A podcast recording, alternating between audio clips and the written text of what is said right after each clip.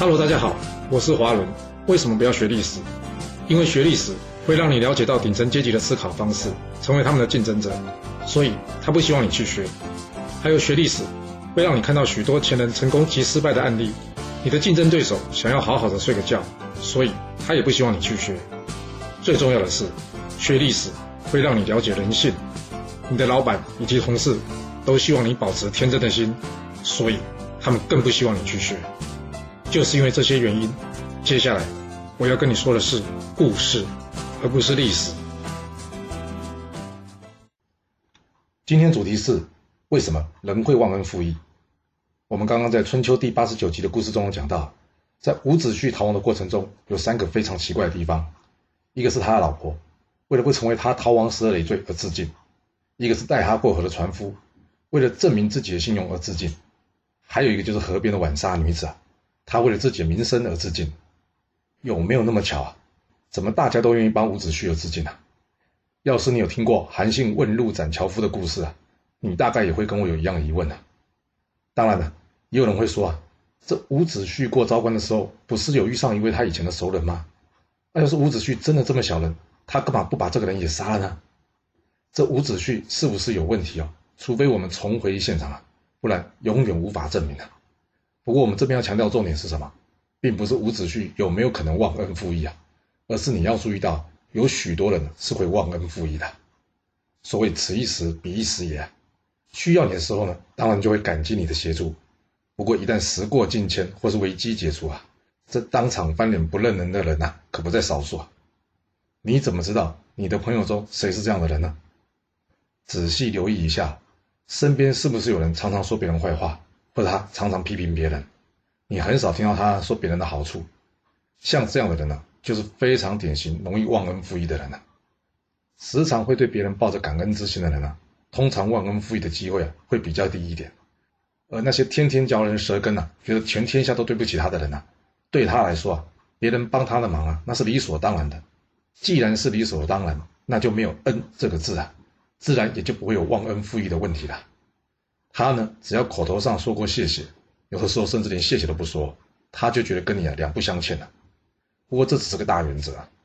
若是人呢遭遇极大的威胁或者利益的时候呢，很多人还是会选择出卖恩人的，这就是人性啊。我们千万不要去挑战人性啊。不管多好的朋友、老板、下属，你曾经帮过他什么忙，照顾他什么事，这件事啊过了就过了，你千万别记在心上，更别说在嘴上。所谓施恩不求报啊，这是因为啊，若是你把这件事记在心上，你会觉得对方欠你的，在心态上呢，就很有可能不自觉的觉得对方矮你一截，进而轻视对方，甚至是怎样忽略潜在的风险啊。一旦对方做出反向事情的时候呢，你就会觉得你被他出卖了。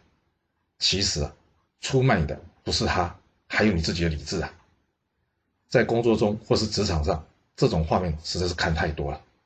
两个同事呢，每天出双入对，感情超好，但却有一位呢，在背后一直数落另外一位同事的不好。有趣的是啊，大多数的同事啊，都会听这位说三道四同事的话，而逐渐疏远这位被数落的人呐，好像从来没有想过，像这种人前手牵手，人后下毒手的人，才是最应该要提防跟远离的人。当然了，或许有种可能，是因为大家觉得这个人呢，战斗力比较强，没有必要与他为敌。